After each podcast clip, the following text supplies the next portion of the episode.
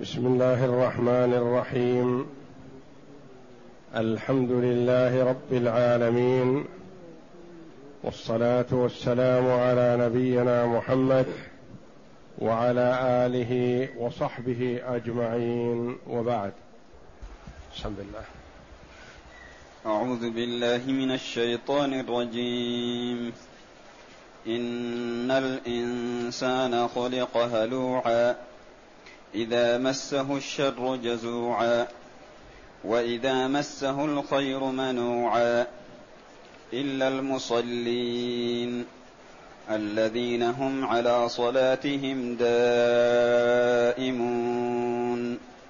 والذين في أموالهم حق معلوم للسائل والمحروم والذين يصدقون بيوم الدين والذين هم من عذاب ربهم مشفقون إن عذاب ربهم غير مأمون والذين هم لفروجهم حافظون إلا على أزواجهم أو ما ملكت أيمانهم إلا على أزواجهم أو ما ملكت أيمانهم فإنهم غير ملومين.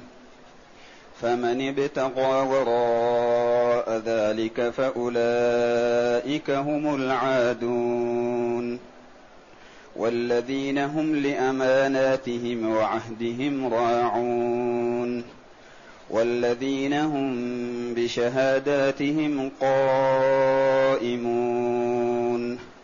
والذين هم على صلاتهم يحافظون أولئك في جنات مكرمون.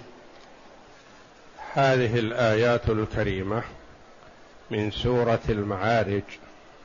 جاءت بعد قوله جل وعلا ولا يسأل حميم حميما يبصرونهم يود المجرم لو يفتدي من عذاب يومئذ ببنيه وصاحبته وأخيه وفصيلته التي تؤويه ومن في الأرض جميعا ثم ينجيه كلا إنها لظى نزاعة للشوى تدعو من أدبر وتولى وجمع فأوعى إن الإنسان خلق هلوعا.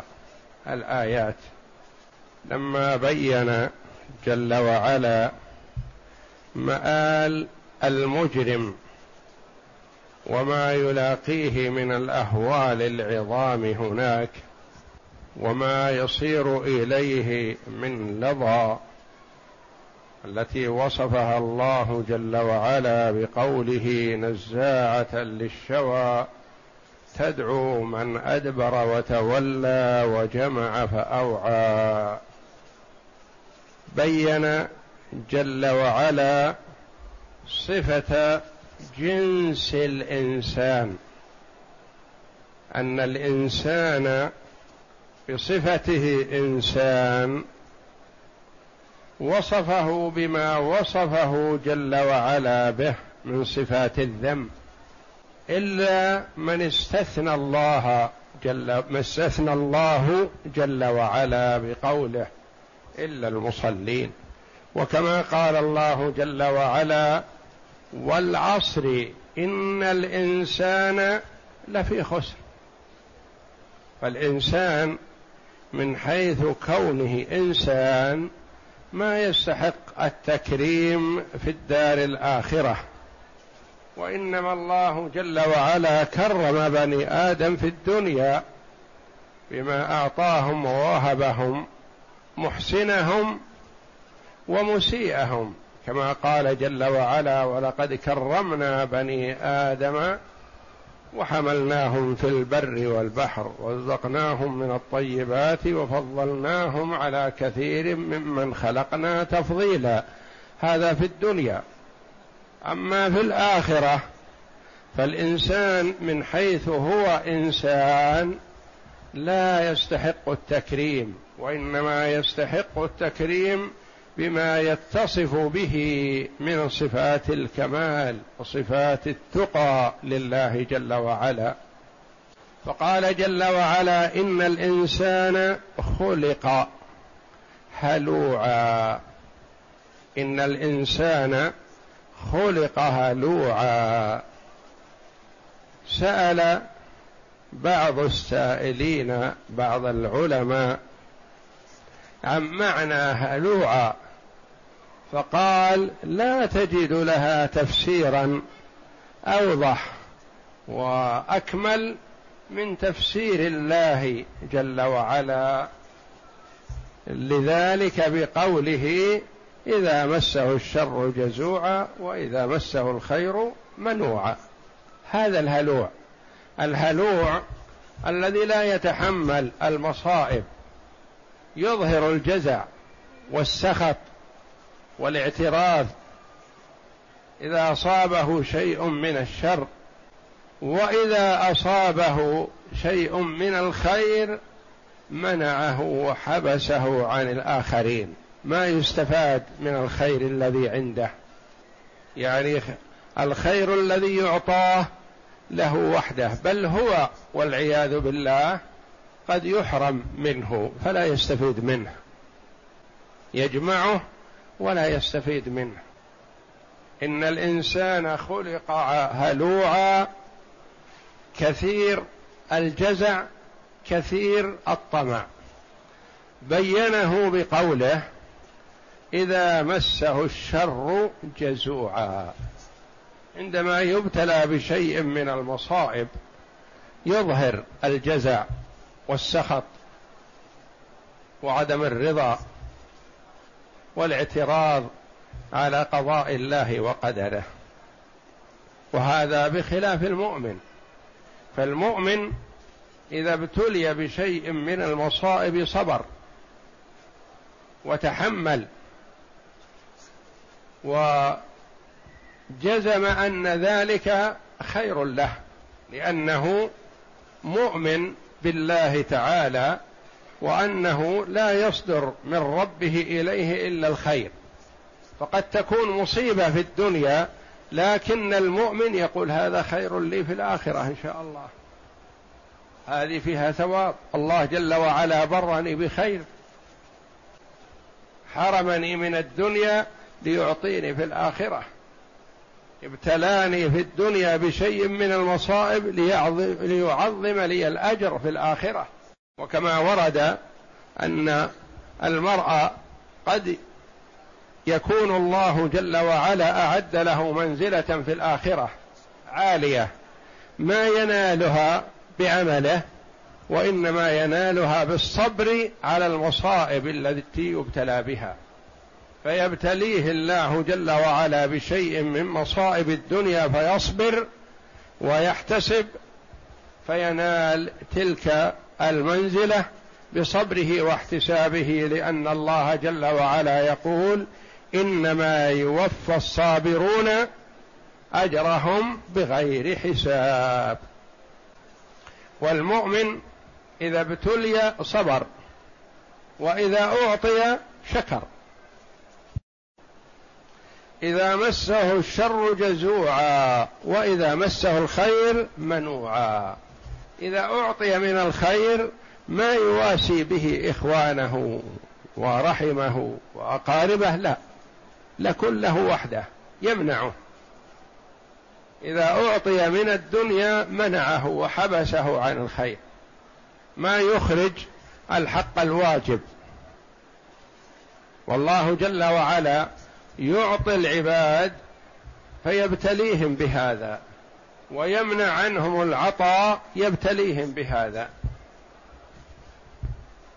فالهلوع إذا أعطي ما يشكر الله ولا يواسي به ولا يخرج الحق الواجب عليه.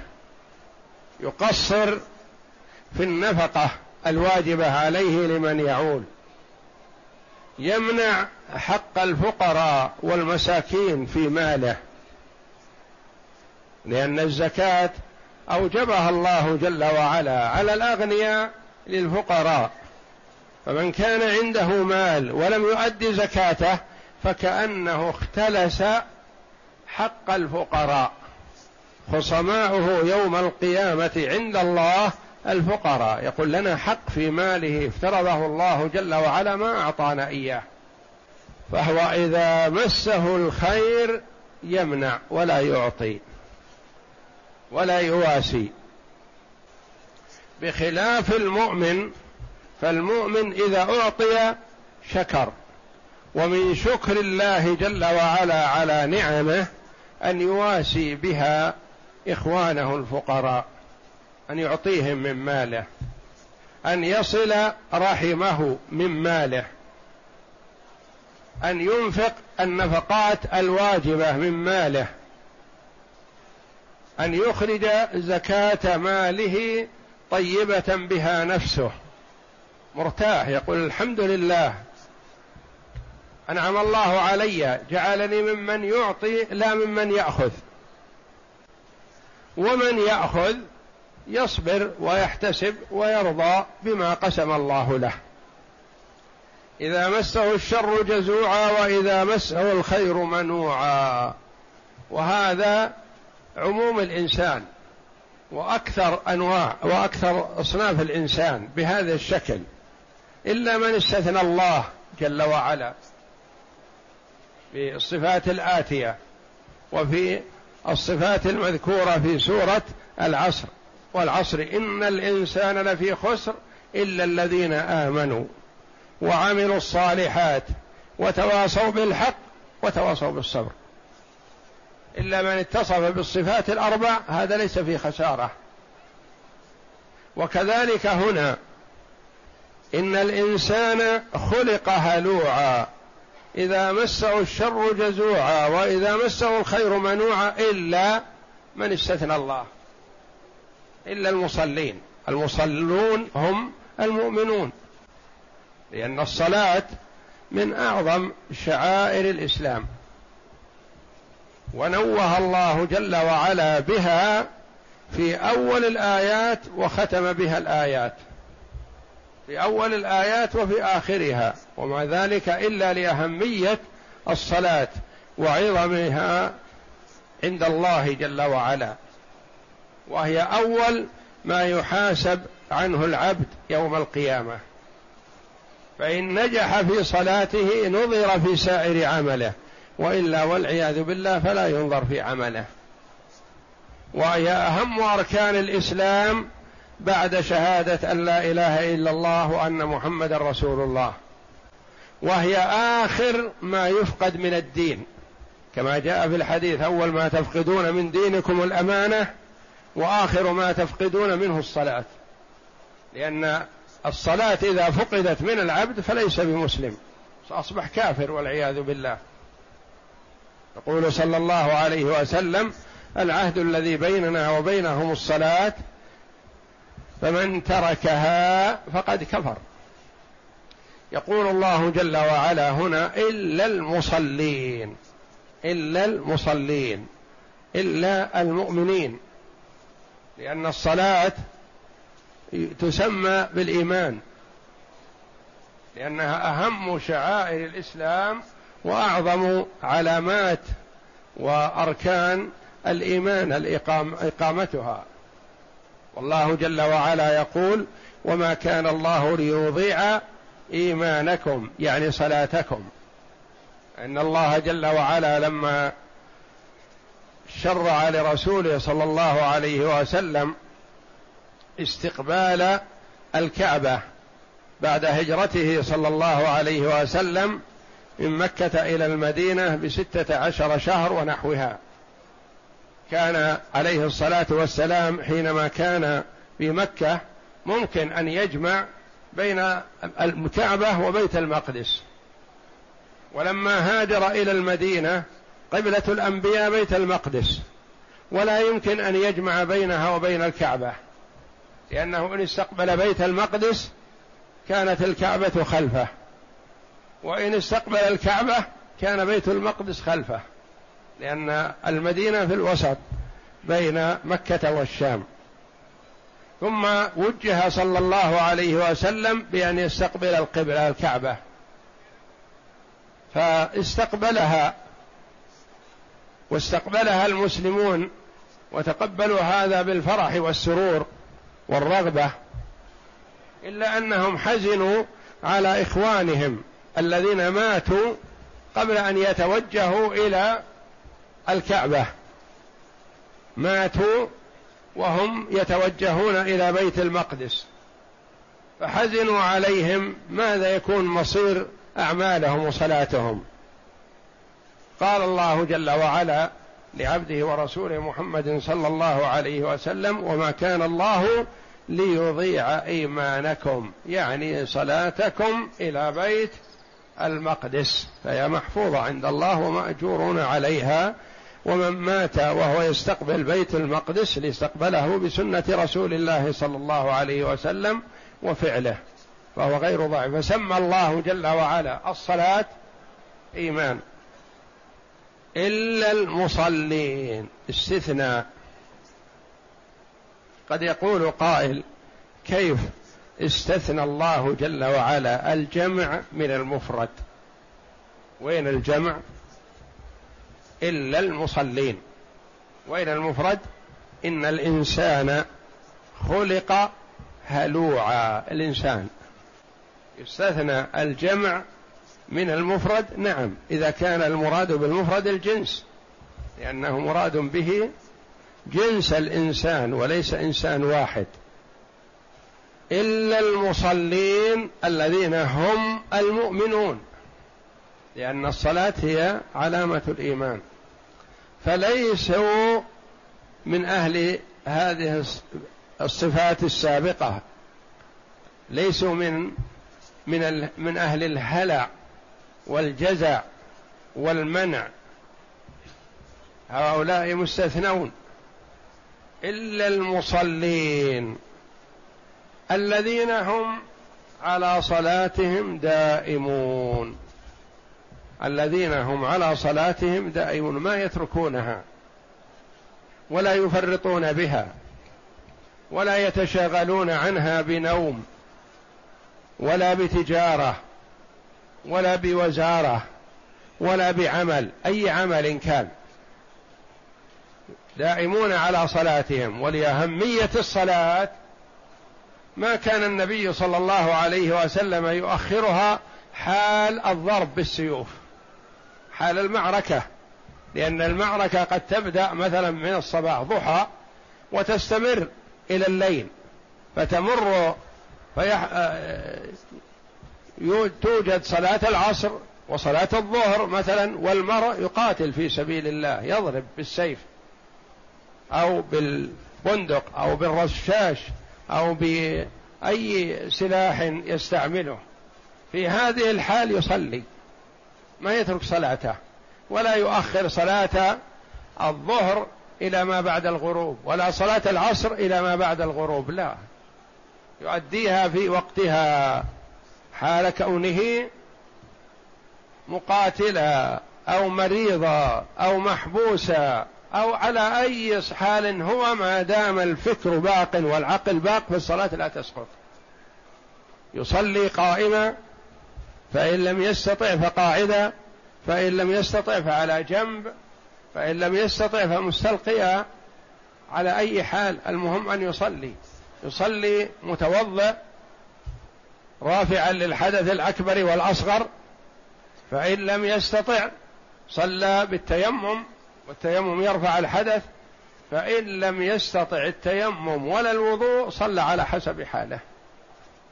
يصلي مستقبل القبلة بشروط الصلاة فإن لم يتمكن من شرط من شروطها صلى على حسب حاله.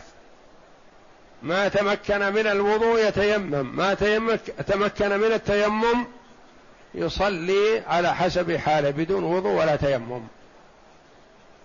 يصلي ساترا للعورة. ما تمكن من ستر العورة يصلي على حسب حاله ولو عاريا وفي حال العري بين العلماء رحمهم الله صفة الصلاة أنهم يصلون جلوس لأنه أستر لهم.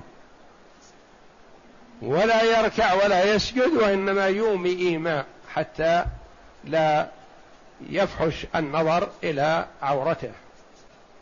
وإمام العراة ما يتقدمهم وإنما يكون معهم وسطهم في الصف.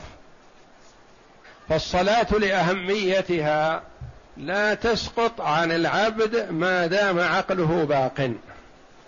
والاهتمام النبي صلى الله عليه وسلم بالصلاة كان عليه الصلاة والسلام وهو يعاني من سكرات الموت فإذا سري عنه. قال الصلاة وما ملكت أيمانكم. يحث على الصلاة وعلى الرفق بملك اليمين. الأرقاء ونحوهم. ممن هم تحت ولاية الإنسان وأمره ونهيه. يرفق بهم. ليرفق الله جل وعلا به يوم القيامة. يوصي بالصلاة وهو يعاني من سكرات الموت. إلا المصلين الذين هم على صلاتهم دائمون. يعني ليل نهار يصلي في كل ساعة وفي كل دقيقة لا. وإنما يحافظ على الصلاة. يحافظ على الصلاة يؤديها في أوقاتها. الرجل جماعة مع المسلمين في المسجد والمرأة في بيتها. وإن صلت في المسجد فلا بأس. لا تمنعوا إماء الله مساجد الله وبيوتهن خير لهن. إلا المصلين الذين هم على صلاتهم دائمون. إلى دائمون يعني مستمرون يؤدونها باستمرار. وقيل في معنى دائمون دائمون أي راكدون خاشعون. لأنه يستعمل الدوام بمعنى الركود. يقال هذا ماء دائم يعني راكد مستقر. والخشوع مطلوب في الصلاة. والذين هم في صلاتهم خاشعون. فالخشوع مطلوب. والنبي صلى الله عليه وسلم مر برجل يتحرك في صلاته فقال لو خشع قلب هذا لخشعت جوارحه. فالخشوع مطلوب وهنا قال المفسرون دائمون أي راكدون خاشعون في صلاتهم. والخشوع هو لب الصلاة وثمرتها لأنه ليس المراد الفعل فقط فيصلي اثنان بجوار بعضهم أحدهم تصعد صلاته ولها نور. وتفتح لها أبواب السماء ويتقبلها الله جل وعلا وتقول لصاحبها حفظك الله كما حفظتني. والآخر والعياذ بالله تصعد فلا تفتح لها أبواب السماء. وتلف كما يلف الثوب الخلق ويرمى بها وجه صاحبها. وتقول ضيعك الله كما ضيعتني. ويتميز هذا عن هذا بالخشوع والإقبال على الله وتدبر الآيات وتأملها والاستفادة منها واستحضار عظمة من هو واقف بين يديه تبارك وتعالى. فالصلاة صلاة هذا عن هذا تتميز بالخشوع والإقبال على الله.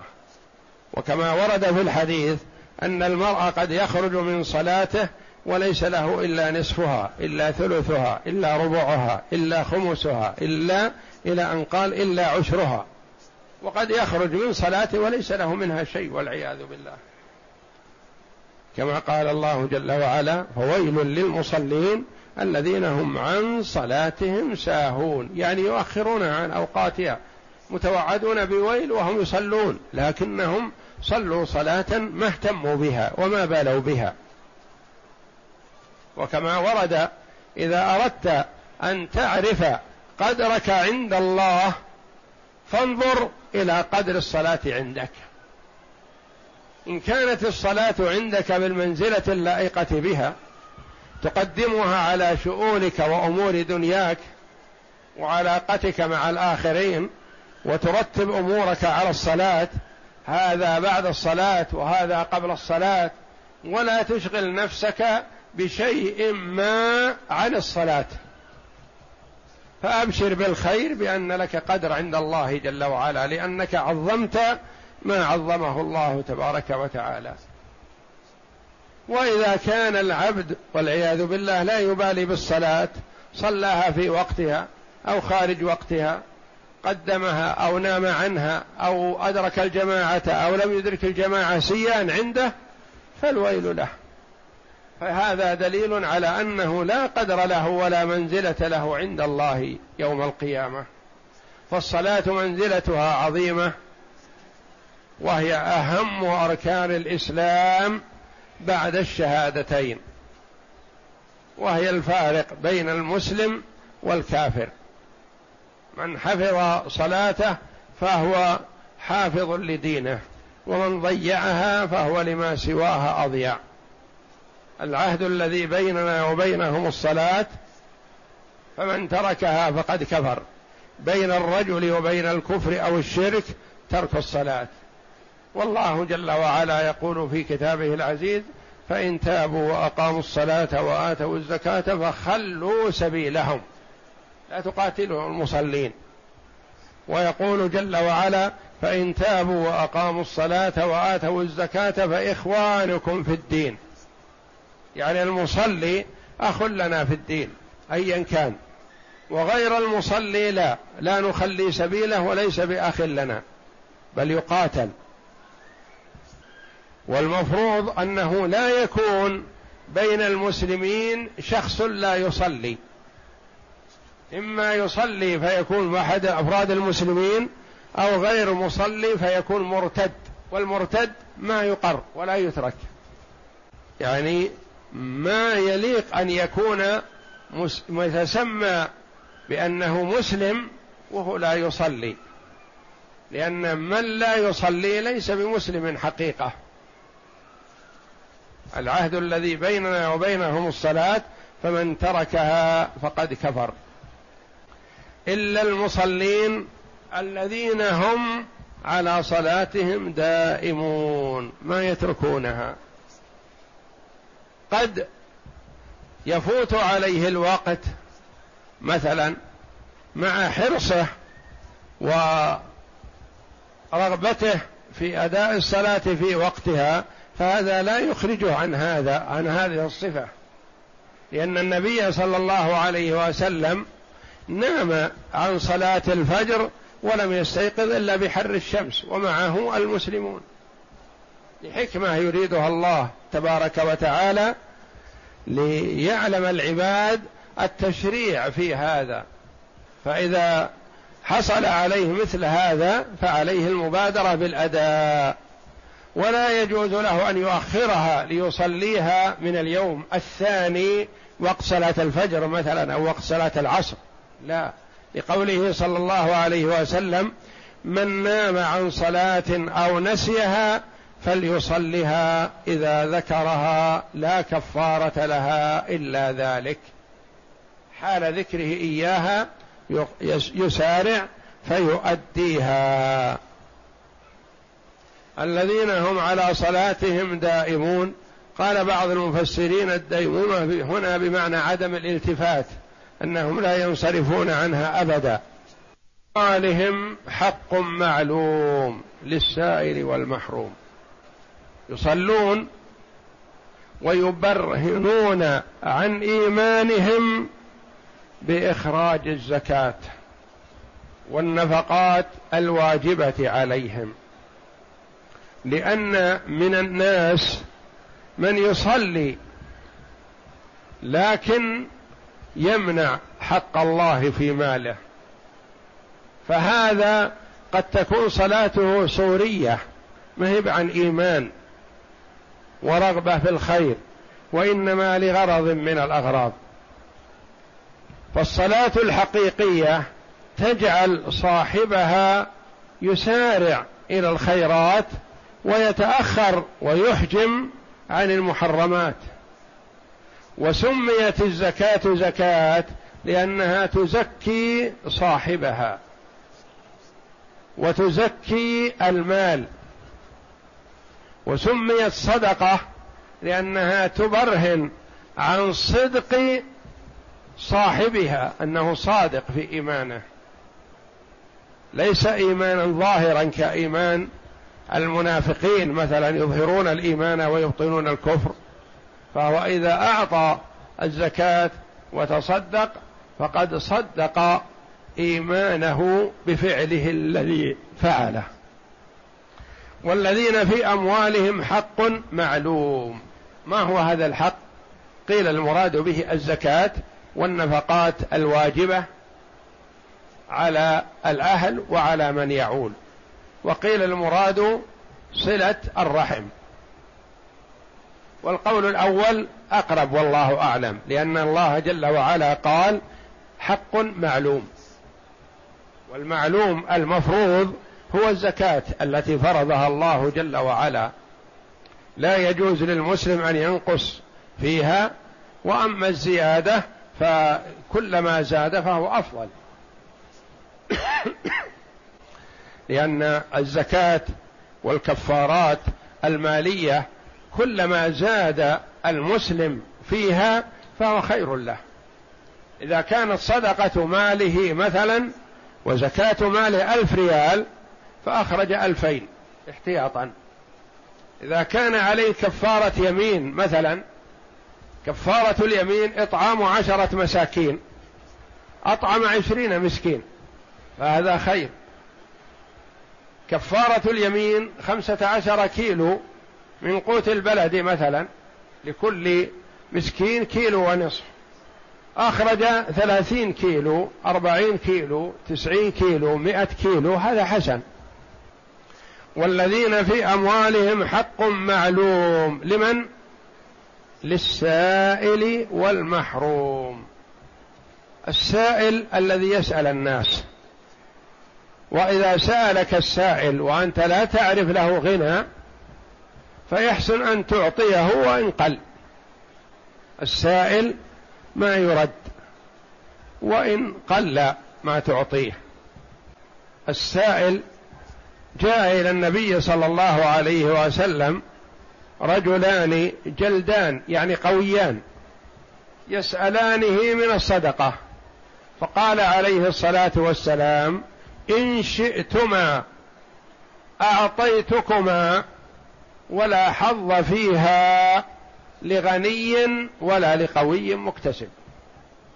يعني ما لكم حظ في الزكاة إذا كنتم أحد هذين الرجلين. يعني تكون تدخل عليكم بالنقص. ما تستفيدون منها حقيقة بل تضركم. ولا حظ فيها ولا بركة.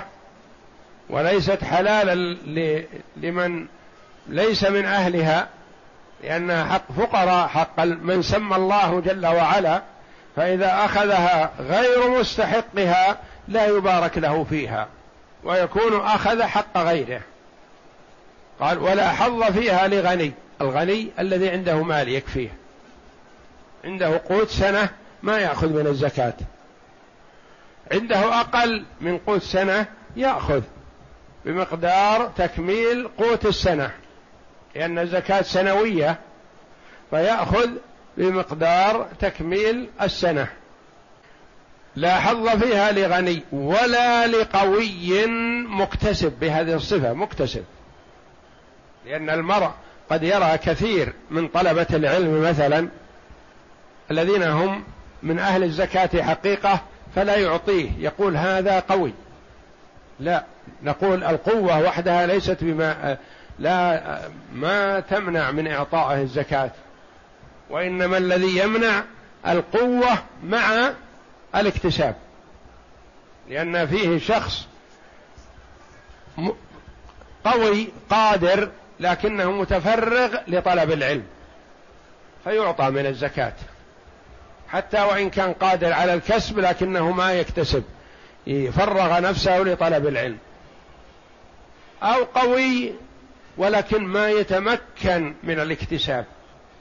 ما يتمكن. يحب أن يكتسب لكن ما يتمكن لسبب من الأسباب. فهذا يعطى من الزكاة حتى وإن كان قوي. لأن النبي صلى الله عليه وسلم الرؤوف الرحيم بالأمة العالم بما يصلح أحوال عباده بتوفيق الله جل وعلا له وإدراكه فهو أعطي جوامع الكلم. يتكلم بالكلام اليسير الجامع المانع الذي لا مدخل عليه فيه عليه الصلاة والسلام لأنه تشريع. وما ينطق عن الهوى إن هو إلا وحي يوحى. ما قال عليه الصلاة والسلام لا حظ فيها لغني ولا لقوي. لا. قال ولا لقوي مكتسب. القوي المكتسب ما نعطيه من الزكاة. يقول ما عندي نفقة سنة. ما عندي إلا نفقة اليوم فقط. نقول باسر تكتسب؟ قال نعم. نقول إذا نفقة كل يوم في يومه تأتيك من الله جل وعلا باكتسابك. ما يلزم القوي المكتسب أن يكون عنده نفقة سنة. إذا كان عنده نفقة اليوم يكفيه فلا يأخذ من الزكاة إذا كان مكتسب. أما إذا كان غير مكتسب فله حظ في الزكاة. والرسول عليه الصلاة والسلام رأى أثر النشاط والقوة على الرجلين فأراد أن يخبرهما فقال إن شئتما أعطيتكما ما أمنع. لكن عليكما أن تعلما أنه لا حظ فيها أي الزكاة لغني عنده ما يكفيه أو قوي مكتسب. فالرجل إذا عرف أن صاحبه من أهل الزكاة يعطيه ولا يناقشه. وإذا خفي عليه حاله يخبره لأنه ربما يكون غني. فتعطيه فيظن أن هذه هدية فيأخذها وهي زكاة. تخبره تقول عندي زكاة هل أنت من أهلها؟ إن قال نعم فصدقه ولا يلزم أن تطلب منه البينة. وإذا عرفت أنه من أهل الزكاة فما يحتاج أن تسأله لأن سؤالك إياه قد يكون فيه شيء من حزازة على نفسه والتأثر ربما يكون لا ما أنا من أهل الزكاة وهو من أهلها. يستحي للسائل والمحروم. المحروم هو الممنوع الذي لا يعطى. قيل المراد به الذي لا يظهر عليه أثر الفقر ولا يسأل الناس يستحي فهذا يسمى محروم لأنه يحرم من العطاء بسبب مظهره الحسن لأن بعض طلبة العلم يكون حيي ويظهر بالمظهر الحسن وكأنه غني وربما أتاه السائل الذي يكون أكثر مالا منه. يساله لما يرى عليه من أثر الوقار وظهور آه، وظهور بالمظهر الحسن. فيظن أنه غني وليس بغني. هذا هو المحروم. الذي يعطى من الزكاة وإن لم يسأل. لأن الكثير من الناس يحرمونه. قال المحروم الذي يتعفف. ما يظهر السؤال ولا يتظاهر بالفقر والحاجة. إن أتاه شيء أخذه وإن لم يأته شيء ما سأل. ربما يبيت طاويا جائعا ولا يسأل جاره ولا غيره. وكما قال الله جل وعلا في صفة المتعففين يحسبهم الجاهل أغنياء من التعفف. الجاهل حالهم. يقول هذا غني هذا مظهر حسن وهو فقير لكنه متعفف. ولهذا قال الله جل وعلا والذين في أموالهم حق معلوم. يعني جعلوا من أموالهم جزءا لهذين الصنفين من الناس للسائل ولا ينسوا غير السائل. يعني بعض الناس ما يعطي إلا من يسأله. والنبي صلى الله عليه وسلم بين أن المسكين حقيقة ليس هو السائل. ليس المسكين الذي ترده اللقمة واللقمتان والتمره والتمرتان ولكن المسكين الذي ليس له عنده غنى يغنيه ولا يقوم فيسأل الناس. هذا هو المسكين حقيقة الذي ينبغي أن ينتبه له ويواسى ويعطى. والذين في أموالهم حق معلوم للسائل والمحروم. يعني ينتبهون لهذا السائل ما يرده. وأما السائل فلا تنهر.